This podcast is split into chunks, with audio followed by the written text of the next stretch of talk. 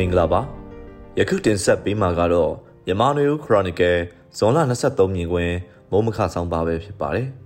ဆောင်းပါကောင်းစဉ်အမည်ကတော့မြမဘန်နဲ့ငွေကြေးစနစ်အပေါ်ဖိအားတွေနဲ့မြန်မာလူထုရွေးစရာပဲဖြစ်ပါတယ်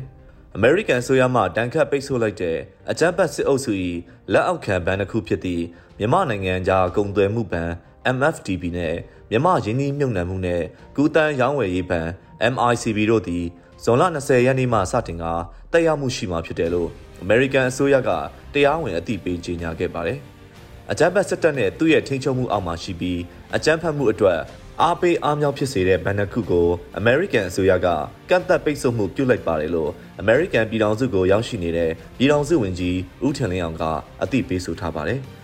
American အစိုးရ၏ထုတ်ပြန်လိုက်တဲ့ကြေညာချက်ဟာ American ဥပဒေအရအဆိုပါတန်ခတ်ပိတ်ဆို့မှုရလက်ကြောင်း American စီးပွားရေးနဲ့သက်ဆိုင်သည့်အဆိုပါဘဏ္ဍခု၏အယောင်းဝယ်အားလုံးကိုပိတ်ဆို့ထားသည်ဟုဆိုလိုရင်းဖြစ်ပါတယ်။ဇွန်လ20ရက်နေ့မတိုင်ခင်ကတည်းက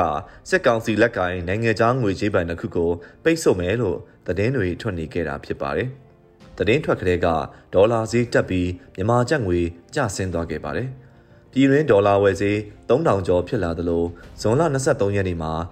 NUG အစိုးရ၏ NUG Pay ၏ဒေါ်လာနဲ့ကျပ်စီကမူလ2940ကနေ3030ပြင်ဆင်သတ်မှတ်လိုက်ပါတယ်။စစ်ကောင်စီကတော့သူတို့၏ဗဟိုဘဏ်ကနေနိုင်ငံခြားငွေကြေးစည်းစိမ်မှုကိုဓာတ်ရိုက်ကင်တွယ်ဆောင်ရွက်ပေးမယ်လို့ဆိုလိုက်ပါတယ်။ဇွန်လ23ရက်နေ့မှာတော့စစ်ကောင်စီကနေဆက်ကုံသွယ်ရေးနဲ့ပတ်သက်ပြီးတံပြန်အရေးယူမှုတွေဆောင်ရွက်လာပုံရပါတယ်။ဒါချီလိတ်သတင်းဌာနကဒီလိုရေးသားထားပါတယ်။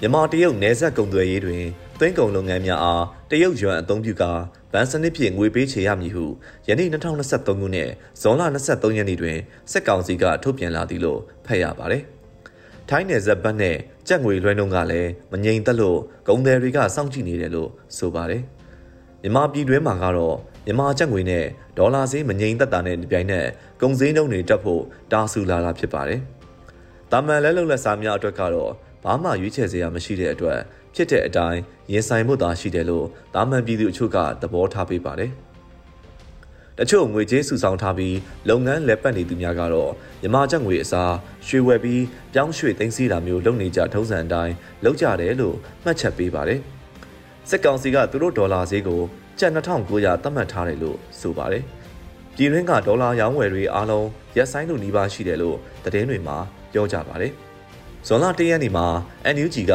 ဂျားကာလဗဟိုဘဏ်ကိုထူထောင်မယ်လို့အမိန့်ထုတ်ပြန်ခဲ့ပါတယ်။ဇွန်လဆန်းရေဒီယို NUG အင်တာဗျူးမှာ NUG ပြည်ထောင်စုဝန်ကြီးဦးတင်ထွန်းနိုင်က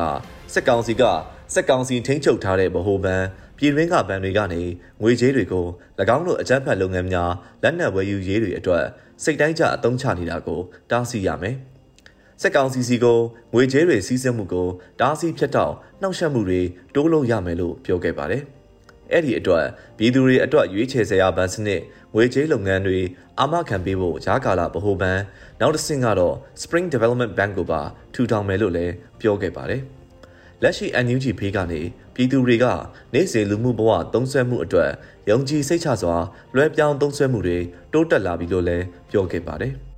နောက်တစ်ပတ်ကျော်အကြာမှာဇွန်လ23ရက်နေ့မှာဒေါ်အောင်ဆန်းစုကြည်၏စီးပွားရေးအကြံပေးအဖြစ်ဆောင်ရွက်ခဲ့လို့စက်ကောင်စီကဖမ်းချုပ်ထောင်ချခဲ့ပြီး2022ခုနှစ်နိုဝင်ဘာလကလွတ်မြောက်လာခဲ့သူဩစတြေးလျနိုင်ငံသားရှောက်ထနယ်ကို NUG စီမံဘဏ္ဍာဝန်ကြီးကဂျားကာလဗဟိုဘဏ်၏အကြံပေးအရာရှိအဖြစ်ခန့်အပ်လိုက်တာတွေ့ရပါတယ်။ဒီရက်တွေထဲမှာ Spring Development Bank ကို virtually online ကနေစတင်ပြင်ဆင်မှုတွေလုပ်နေတဲ့အကြောင်း NUG စီမံဘဏ္ဍာဝန်ကြီးဌာနကိုဝန်ရံနေကြတဲ့ EOD agent တွေ NUG Pay agent တွေစီကနေအလွတ်သဘောထုတ်ပေါ်ပြောဆိုနေကြတာကိုကြားသိရပါတယ်။သူတို့ကိုယ်စားလှယ်တွေဂျားကာလဗန်စနစ်တစ်ခုပြင်ဆင်ပြောဆိုဆွေးနွေးနေစေဇွန်လ20ရက်နေ့မှာ American အစိုးရက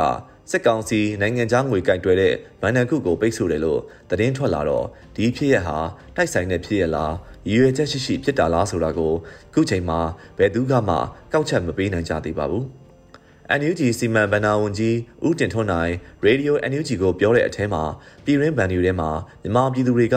အတိုးရလို့ငွေတွေစုဆောင်းထားကြတယ်။အဲ့ဒီငွေတွေကိုစက်ကောင်စီကထိန်းချုပ်ထားတယ်။စက်ကောင်စီကိုယ်တိုင်က ငွေတိုက်စာချုပ်တွေငွေချေးစာချုပ်ထုတ်ရောင်းပြီးငွေကိုလှည့်ပတ်သုံးစွဲနေတယ်။အာနာသိမ့်ပြီးနောက်ထုတ်ထားတဲ့ငွေ20 trillion ရှိတယ်လို့ဆိုပါတယ်။ဒီလိုပြည်သူတွေ၏ငွေကြေးစုဆောင်းထားမှုတွေကိုစက်ကောင်စီလက်ထက်ကနေ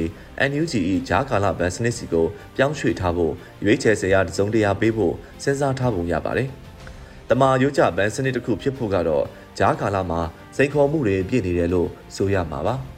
ဘဏ်အကောင့်ဖွင့်ဖို့လုံခြုံစိတ်ချဖို့နိုင်ငံတကာကလက်ခံဖို့တရားဝင်ဖြစ်ဖို့ဆိုတာတွေဝေးဆက်ကူတစ်ခုကနေတစ်ခုပြောင်းလဲပေးချေတာတွေဆိုတာတာမန်အခြေခံဗန်လုပ်ငန်းငွေကြေးလုပ်ငန်းဤဝန်ဆောင်မှုတွေဖြစ်ပါတယ်။လက်ရှိမှာတမန်ရိုးကြငွေကြေးစနစ်မဟုတ်တဲ့လေထဲက modern ငွေကြေးစနစ် digital currency with blockchain technology နဲ့ NUG Pay အကောင့်ဖြင့်ဒီ MMK ချက်ကိုလဲပတ်ထားတဲ့ NUG ၏ငွေကြေးစနစ်တစ်ကိုမြန်မာပြည်သူတွေကတပြေးပြေးချင်းလက်ခံလာနေကြတာမို့ဂျားကာလဗန်စနစ်ကလည်းအကောင့်မြင်တဲ့မျက်စိနဲ့ဆက်ဆောင်ကြည့်ရလိမ့်မယ်ထင်ပါတယ်။